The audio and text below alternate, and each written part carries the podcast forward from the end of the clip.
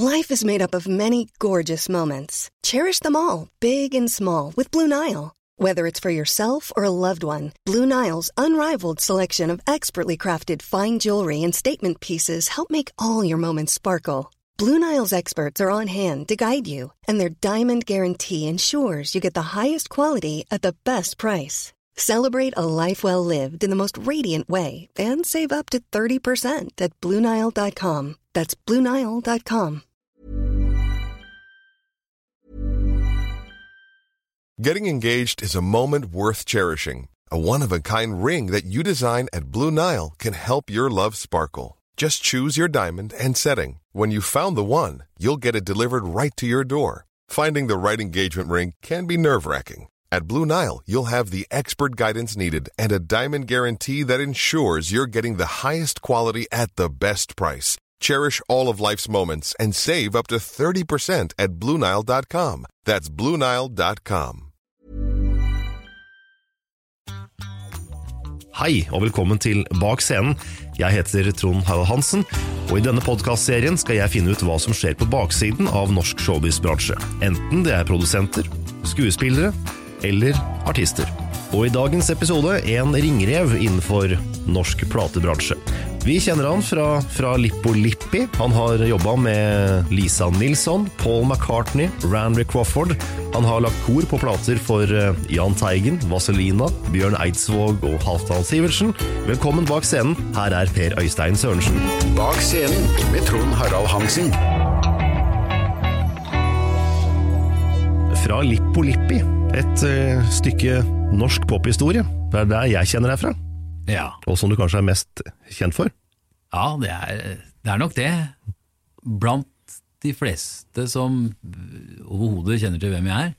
Jeg heter Per Øystein Sørensen, og det er ganske riktig. Eh, min, eh, min karriere i popverdenen begynte i eh, 1983, men det begynte på to fronter på en gang. Fordi jeg blei Jeg hadde akkurat begynt å ja, Et års tid så hadde jeg vært studiomusiker. Eh, travel sådan. Mye sammen med Håkon Iversen. Og vi to eh, gjorde eh, korjobber. Sang i studio for andre artister som drev med innspillinger. Eh, rund baut. Så mye vi kunne. Og vi var eh, ikke, jeg, tror jeg var si, 82, da var jeg bare 20 år. Jeg. Eh, Så 20-21 år gamle dro vi rundt og holdt på. Og i 83 så ble vi spurt Fordi da de skulle ha Grand Prix i gamle dager, så hadde vi jo band. Og for at TV skulle være sikre på at ikke noe skulle gå gærent, så ville de gjerne ha de eh, beste musikerne i landet. Og da plukka de ut et band bestående av studiomusikere. Og da var Håkon og jeg eh, noen av de som blei spurt om å være med på det, da. Så 83 var første Grand Prix som jeg blei hyra inn til å være med på, da. Det er mange som tror at jeg har vært med i masse Grand Prix og sånn, for sånn av fri vilje. Det er ikke riktig. Nei. Jeg har vært med én gang av fri vilje, da, og Grand Prix er en eh, stor, er i bunn og grunn en låtskriverkonkurranse. Og, og, og jeg har vært med som låtskriver én gang for, eh, for Jorunn Erdal. Da skrev Kari Ivland og jeg en låt. Men i 83 så ble jeg også spurt, ringt opp av en tekniker, en lydtekniker i Rainbow Studio her i Oslo, som uh, heter Espen Dahl. Han, det er lenge siden han slutta der. Men uh, han gikk i parallellklassen min opp igjennom på Nesodden. Og eh, han hadde fått i oppdrag av fra Lippo Lippi å ringe til meg og høre om jeg kanskje kunne være interessert i å synge på deres nye plate. Hvorfor de ikke ringte sjøl, det kan jeg bare spørre Det spør jeg meg om. Ja, det har ikke, ja, det har ikke noe svar på Jeg har ikke noe svar på det. Jeg, jeg tipper at de ikke ville stille det spørsmålet i tilfelle de fikk nei. Ehm, men det syns ikke jeg er så farlig, å få nei. Men, eh, og dette er jo nesoddinger, så jeg kjente jo alle sammen. Selv om de var, eh, to av dem var litt eldre enn meg. Fra Lippo Lippi eh, var tre stykker da, og jeg blei med som et slags assosiert medlem. og sa ja takk, jeg kan gjerne prøve å synge på skiva deres, jeg. De var så fornøyd med det at jeg blei tilbudt da å være assosiert medlem frem til vi spilte inn neste skive, som, neste album, som blei Songs. Det å være studiemusiker, det er jo et eh, litt spesielt yrke. Hvordan eh, blir man det? Det er nok rett og slett at noen hører deg når du er ute og spiller live, eller at du har levert inn eh, en demo da, til, plateselskap, til plateselskapene, og så er det en eller annen som sier 'oi, fytti katta, bra gitt, det kunne vi trenge'. Og så er det jo Jeg tror det var sånn, fordi da jeg begynte der, ikke sant, så generasjonen før meg var ofte var musikere, eller stammen i Popple Voo og Popple Ace, som jo Jahn Teigen sang i. Ikke sant? Pete Knutsen og Tor Andreassen og sånn. Og, de, og så ble det Lava-gutta og Marius Müller. Men, eh, men det var iallfall den gjengen jeg kom sammen med, da, blant andre. Og, eh, så det blir en sånn stamme av folk, ikke sant? Fordi folk vil ha et band som er tight og fint, og som kan spille forskjellige stilarter. Og det jo, det som pussige er jo at mange folk som hører på musikk litt sånn som mange samler på fotballkort, liksom. Altså, jeg har flere plater enn deg-prinsippet, dermed kan jeg mer om musikk enn deg. Som regel så kan de ikke A7 kryss 5 eller noen ting som har med musikk å gjøre, men det er nå så. Men, men det er noe De mener og mener og mener, da. Men det men, og, da, og da er studiomusikerne liksom verste sort. Men det er jo en del andre storheter som har vært Nå sa jeg andre storheter. Jeg svelger det med en gang, for jeg er ikke noen storhet. Jeg er bare meg sjøl. Men, men det er noen storheter der ute altså, som har vært studiomusikere og begynt som det. Tenk deg Elton John, for eksempel. Han var korist. Ikke sant? Eh, ikke lenge, da, for han slo igjennom ganske fort. Men han var barpianist, og han blei eh, korist i studiosammenheng for andre. Eh, The Beatles var backingband for Tony Sheridan da han eh, ga ut My, My Bonnie Is All Over The Ocean, eller noe sånt. Hva er det for noe? Et eller annet sånt noe. Og Jimmy Page og John Paul Jones, gitarist og bassist i Led Zeppelin, de satt og spilte på alt fra The Who til uh, heismusikk til uh, Burt Bacharach med London Symphony Orchestra og sånn. Kjempebra folk, vet du. Det er helt utrolig, egentlig. ja, så, det, så for meg så, så skjønte jeg aldri, og jeg syntes det var litt dust. Jeg blei litt sur, rett og slett, når, når kom eh, folk i svartkledde jeans på begynnelsen av 80-tallet og fortalte meg at uh, ja, studiomusikere og sånn har ikke sjel, og det er liksom bare tull, og de spiller bare perfekt, og det er aldri noe bra og sånn. Det er ikke sant i det hele tatt. Det er selvfølgelig sant at det er mange av dem som kan spille alt mulig, og noen er ikke så flinke til å legge, legge igjen spor av seg sjøl, men mange ganger så er ikke det jobben heller. Det er jo ikke det. Mange ganger er det jo rett og slett å bare uh, spille til rette for at en annen skal score mål, for å bruke Ja. fotballterminologi. Ja. 1985, det blei jo da gjennombruddsåret for, Mm. fra LipoLipi. Plata kom ut på begynnelsen av året. Ja, altså Nok en gang, 85 var en sånn parallelløp for meg, da. Fordi at uh, vi spilte inn Og jeg, jeg må forklare litt. Vi, vi spilte inn originalutgaven av Songs. Den uh, ble spilt inn for egen regning, dvs. Si jeg turte ikke å være med på banklån, så de tre andre som var i bandet da, Rune Christoffersen, Morten Sjøberg og Øyvind Kvalnes, de tok opp et lån i vår lokale DNB Nord, eller ABC, eller hva det heter på den tida. Eh, på hele 50 000 kroner. Som var jo ikke all verden heller i 85, men det var nok til at jeg ikke turte å være med på det.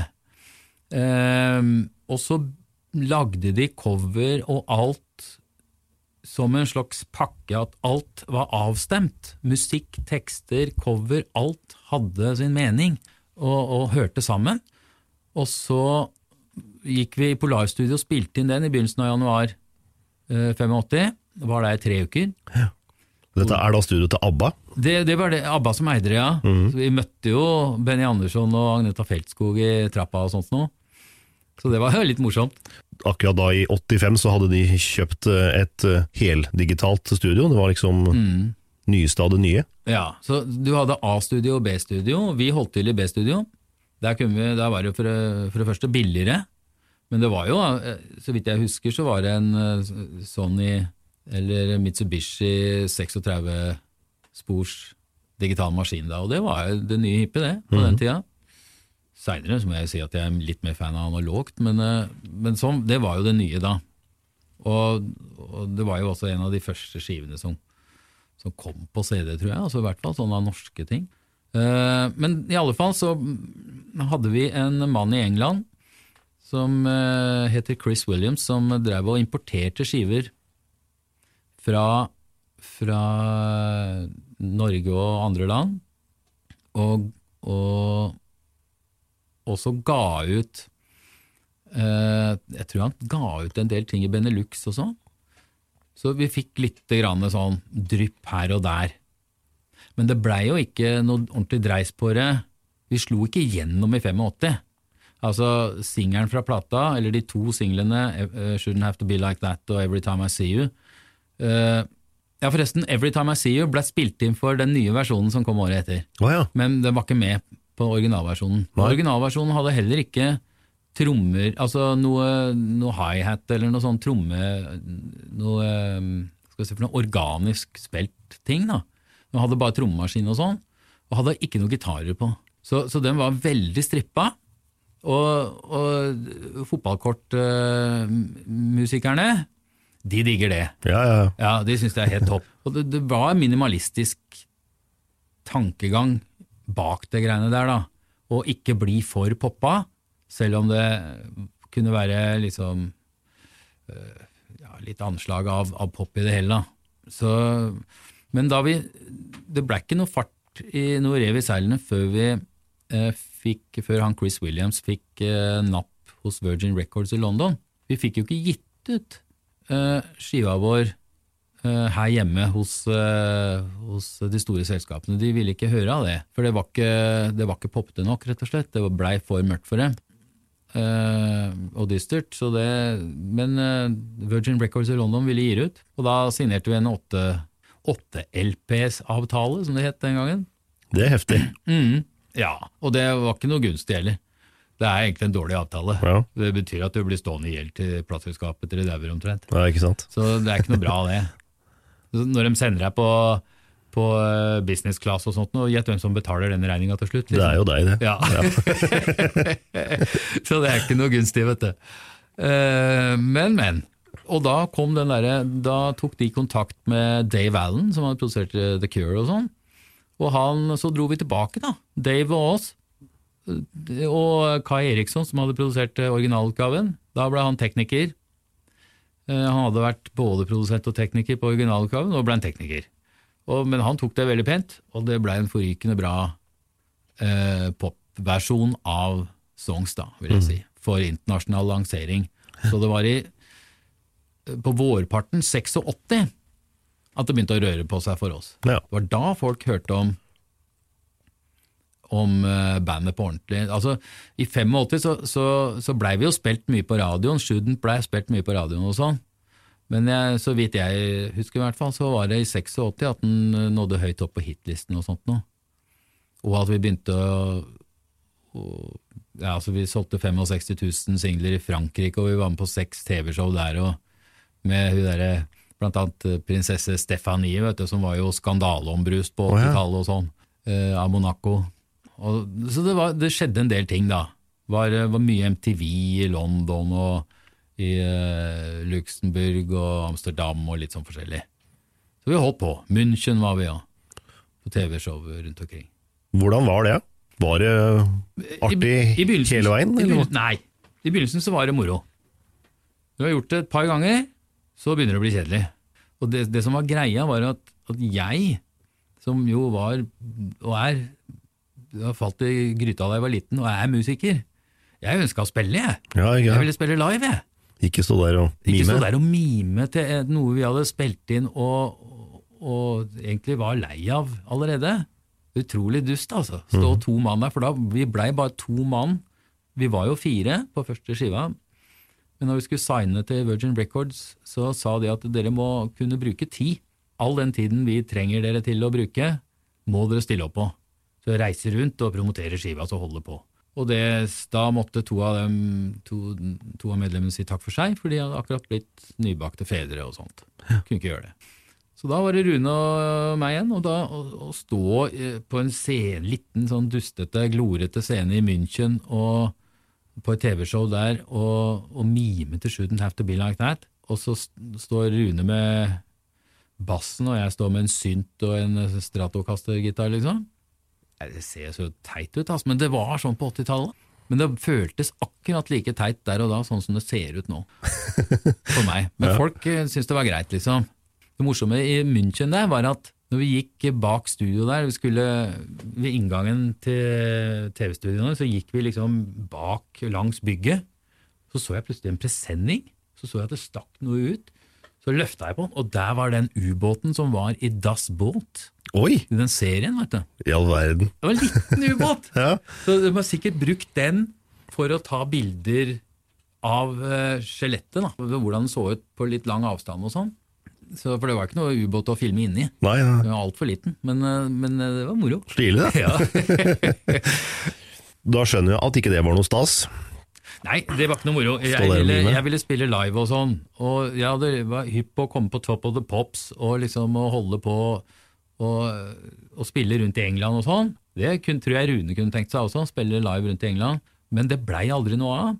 Og mye, mye på grunn av Vel, den viktigste faktoren var, at, var nok at det var et sånn derre MTV-gjennombrudd. Og at alle skulle levere videoer, og at det var kjempelettvint. Og bare gjøre noen intervjuer og så levere videoen, og så, og, så, og så er det sånn man lanserer, liksom. Men vi kom, da vi begynte å røre litt på oss på hitlistene i England, så var rett og slett uh, Virgin eh, for seine i avtrekkeren, altså. Så vi blei liggende og vake under der vi måtte være. Så jeg tror, tror vi var på altså, La oss si vi var på 76. plass og måtte være blant, inne blant de 75 Akkurat. øverste eller noe sånt, for å bli invitert til, på ting og klatre og begynne å bli lagt merke til og sånn. da. Eh. Så da falt vi ut, og da, da røyk den sjansen. Så Da var det over. Ja, da var, da var det over med England for oss. De prøvde seg på liksom, å ha en sånn Vi spilte på Ronny Scotts Jazz Club i Soho. Vi Gjorde en sånn derre eh, Hva het det, da? Altså, sånn, eh, vi gjorde en gig for platebransjen. da. En showcase, kalte de det. Oh, ja. Ja. Eh, men altså, da Det, det blei litt fattig, liksom. Det blei litt sånne spede forsøk, istedenfor å, liksom, å samle Slå til, og- Ja, og ha en ordentlig trøkk rundt det. Det var ikke noe plan, liksom, virka det som. Så det, det var det. Men vi, vi fikk jo reist til Japan og, og Filippinene og sånt noe også. Mm. Så det var morsomt. Hva er det for noe med Asia og artister fra Norge? Ja, si det, du. Uh, jeg tror nok det er tilfeldig, men det er, men det er noe med Det som kanskje ikke er tilfeldig, er at en del norske artister har en hang til melankoli i, i musikken sin. Uh, og vi var jo ikke noe unntak, for å si det forsiktig.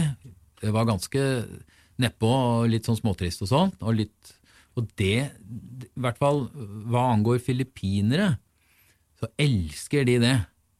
Altså kjærlighetstekster hvor ting har gått alvorlig gærent. Og, og gjerne også bruk av eh, natursymbolikk og sånn i tekstene.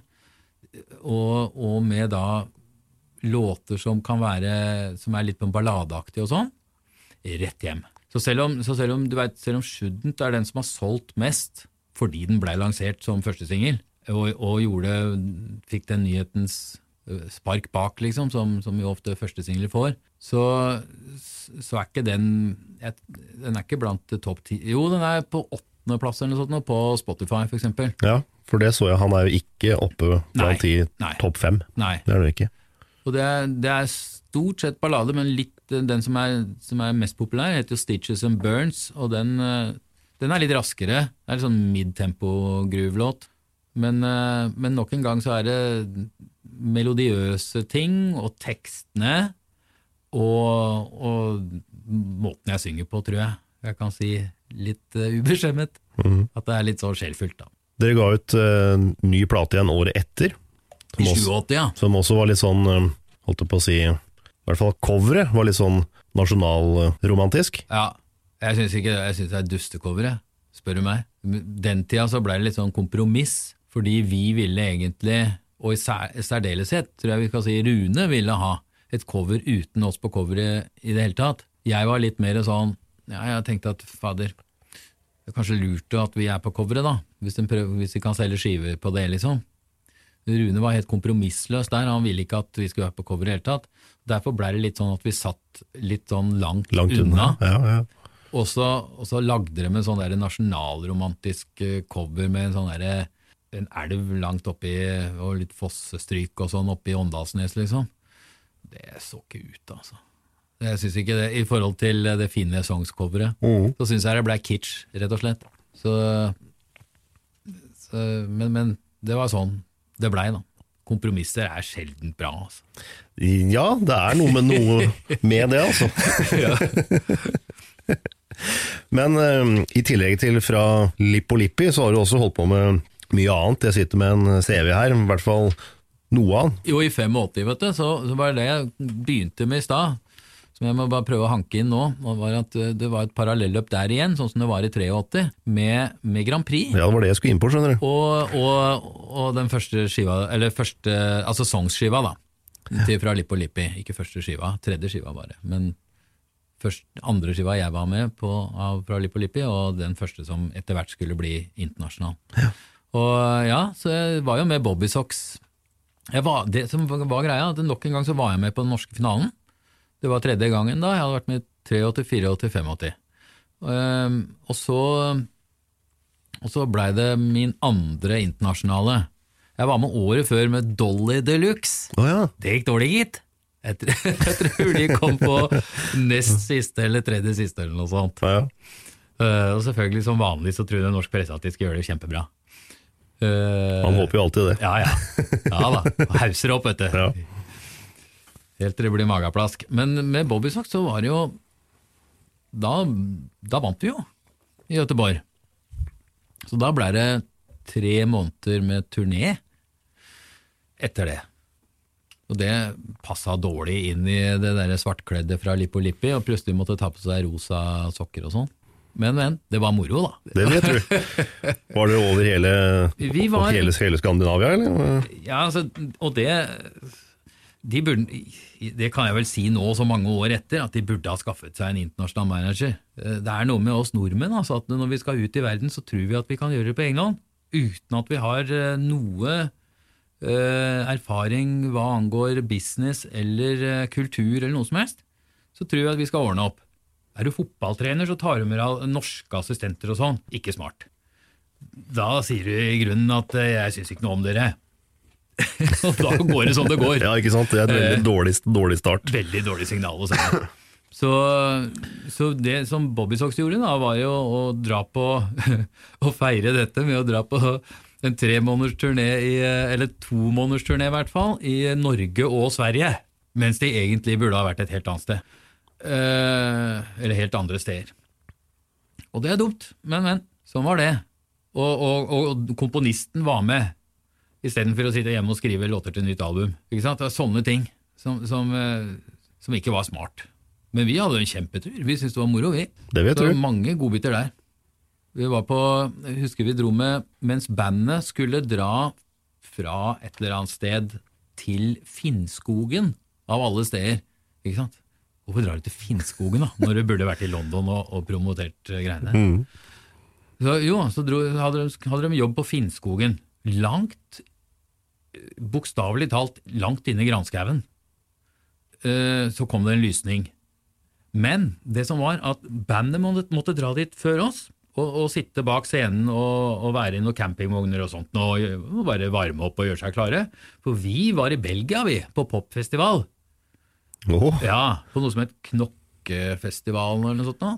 Som var en sånn utrolig dårlig greie med sånn eh, Med enten full playback eller singback, det husker jeg ikke. Jeg tror det var kanskje full playback, altså.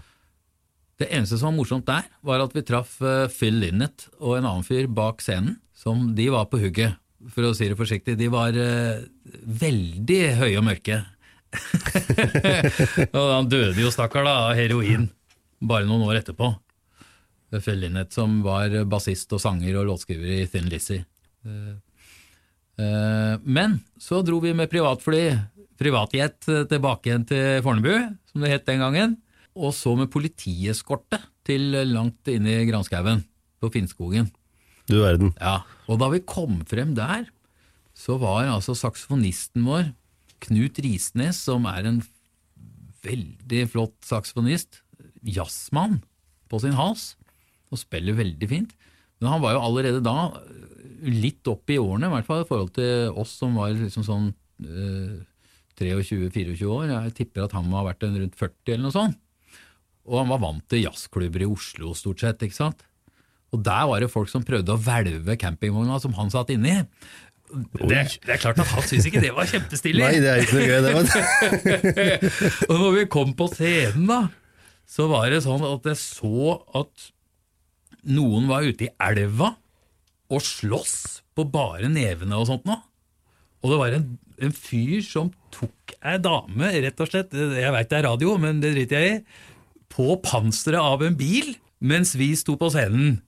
Og så var det en gravid, ung kvinne som sto rett foran scenekanten og holdt på å bli klemt i hjel, som måtte bli heist. Så det var full Texas, altså. Velkommen til Finnskogen. altså. Sånn kan, du, sånn kan du oppleve der, ja. Ja, så, men det har, det har festa seg på minnet mitt, for det var, det var, en ster, det var et sterkt dykk ned i, eh, i den det norske, den norske folkesjela. Altså. Det vil jeg tro. Ja. Interessant studie Ja. for en kar fra Nesodden. Ut på landet. Veldig òg, det. Men eh, du har jo også vært med på album til Vazelina, du har vært med på Ole Idole sine album, i hvert fall ett av dem. Eh, Lillebjørn jeg er veldig stolt av å ha vært med. Han, for meg er han en eh, veldig, veldig eh, aktet artist.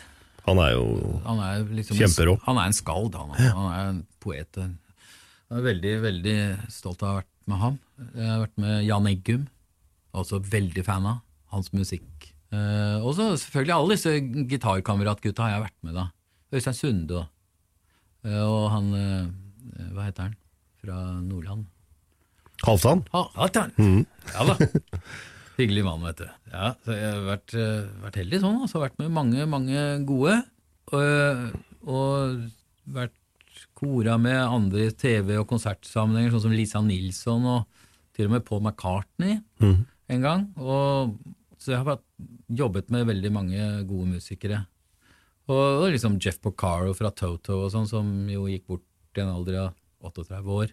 Men uh, som jeg var heldig og fikk spille med, som har spilt med Miles Davis og sånn, ikke sant. Og, i, I tillegg til Toto, som han spilte i, og, og en haug med Han var jo studiemusiker. Toto var jo et studioband. Ja, det er jo Amerikas svar på Lava, Ja, nemlig. egentlig. Ja, eller om lava er Eller omvendt, kanskje. Skal vi si. I all ubeskjedenhet. Ja, så, men, så nei, jeg har fått jobbe veldig tett med veldig mange, og det har hatt det kjempemoro. Altså. Og så er det jo, men så kommer du til et punkt hvor du oppdager at det er en del artister som, som kanskje ikke rett og slett burde gitt ut skiva ennå. Og da, da måtte jeg si til meg sjøl at ok, jeg er hyra inn for å gjøre dette bra.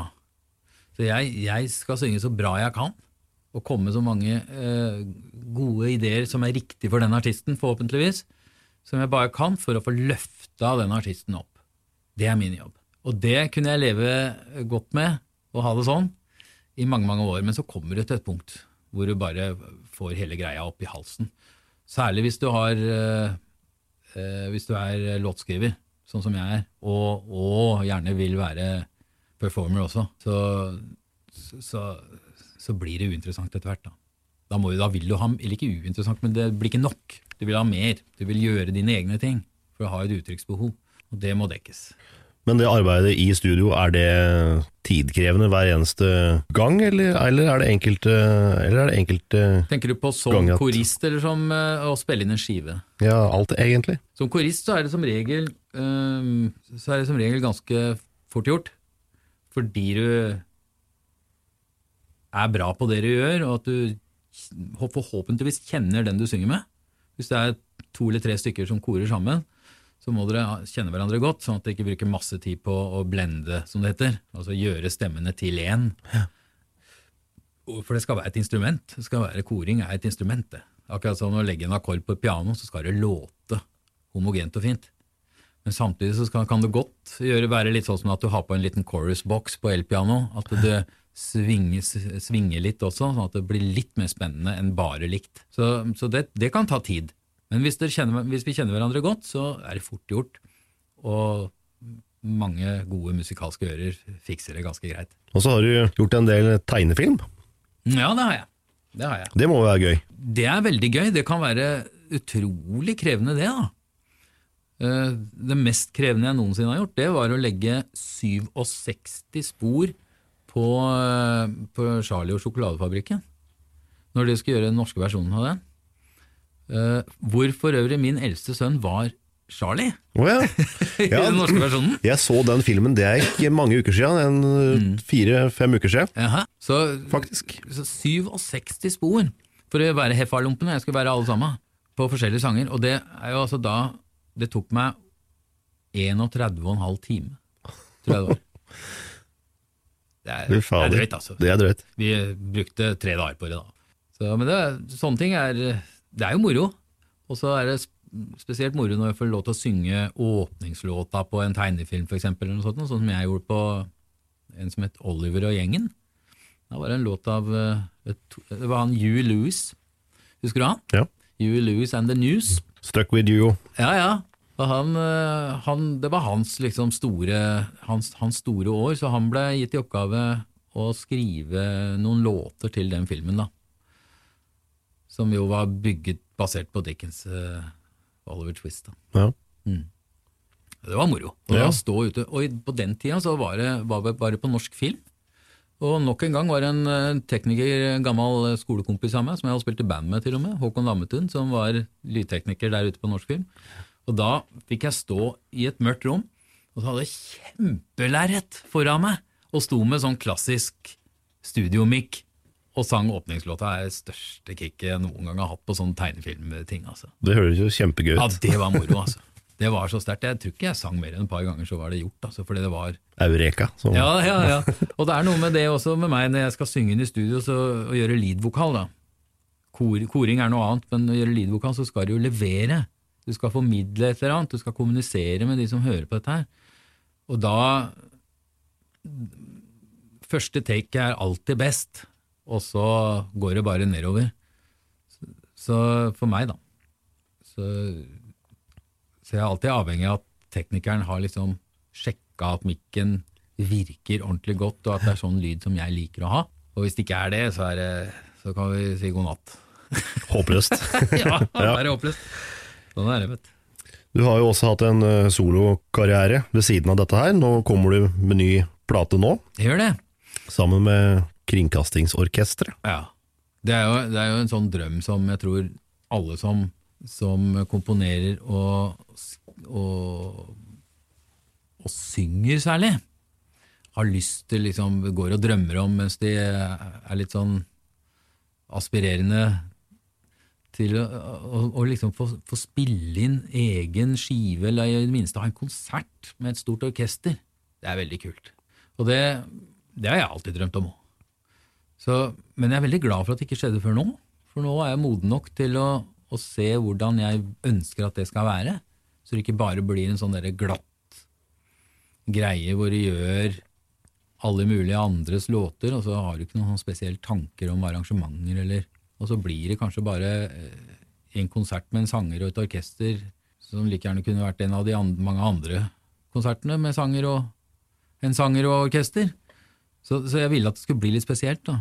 Og jeg ville også flette inn bandet mitt, sånn at noen av låtene er, er, eh, er band med orkester, mens andre låter er orkester med litt band, eller bare orkester.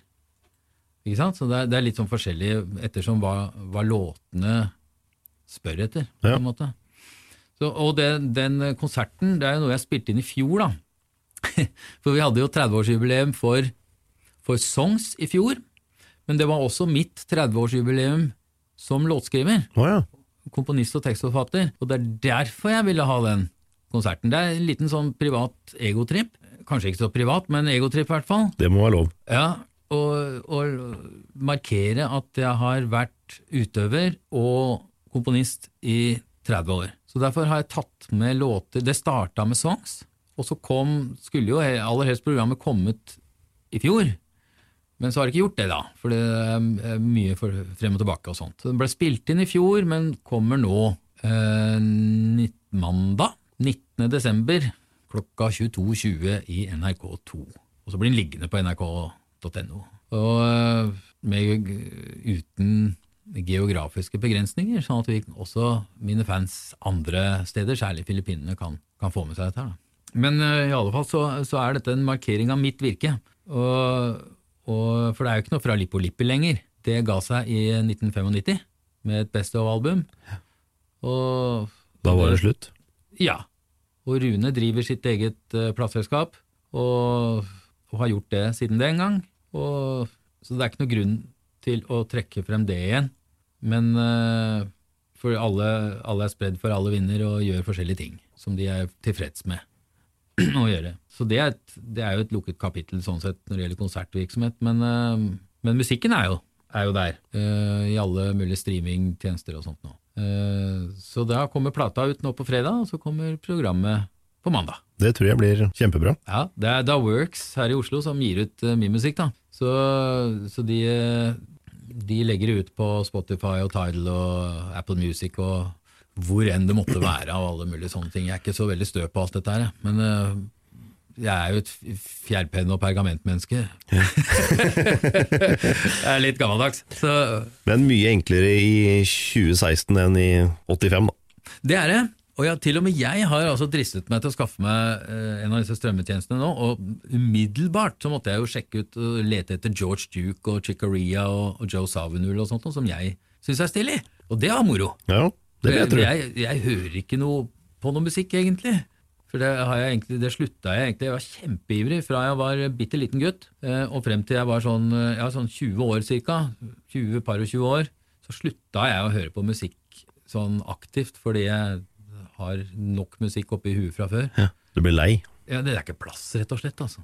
Så det, men det er jo mange av de gamle tingene og, som, jeg, som jeg fremdeles digger. da. Ikke så mye nytt. Jeg har, jeg har jo hørt av og til noe nytt. Jeg underviser musikk på ungdomsskolen i tillegg til å drive med dette her. Og det er jo det er noen låter og noen artister som, jeg- som jeg syns er bra. Eh, Sånn som Ed Sheeran, for eksempel. Han er jo helt rå. Ja, veldig bra. Jobba seg opp fra ikke noe Ja, nemlig. og blitt kjempestor. Ja. Og så er det en veldig god låtsnekker som bor på Hawaii, som jeg ikke husker navnet på i farta, som er halvt filippiner og halvt amerikaner, som, ehm, som jeg ikke husker navnet på i farta, men som også er veldig bra. Men, eh, men, men nei, jeg er, ikke, jeg er ikke veldig fan av nye ting. Jeg syns, syns ikke Noen ting kan bli litt for statisk. Mm. De kan bli litt for, liksom, litt for selvtilfredse når det gjelder sitt eget uttrykk. Altså, Se på U2. da. Det låter likt hele tida. Må kunne gå an å være litt mer spennende, vel? Ja.